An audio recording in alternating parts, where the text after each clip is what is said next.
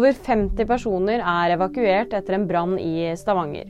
Seks mennesker er fraktet til sykehus med røykskader etter at det brant i et rekkehus. Det er fortsatt ikke kontroll på brannen søndag morgen, og spredningsfaren vurderes fortløpende. Syv personer er alvorlig skadd etter en trafikkulykke i Tønsberg. Lørdag frontkolliderte to biler, og totalt åtte personer er involvert i ulykken. Det er to barn og fem voksne som anses som alvorlig skadet. Det er ekstremt vanskelige kjøreforhold, forteller brannvesenet, og snøværet har skapt kaos i trafikken på deler av Østlandet. Annika Mumrak skjulte seg bak romvesenet-maska i Maskorama. NRK-profilen fortalte at hun måtte ligge lavt sosialt mens programmet pågikk, og at det nå skal bli litt deilig å leve livet sitt igjen.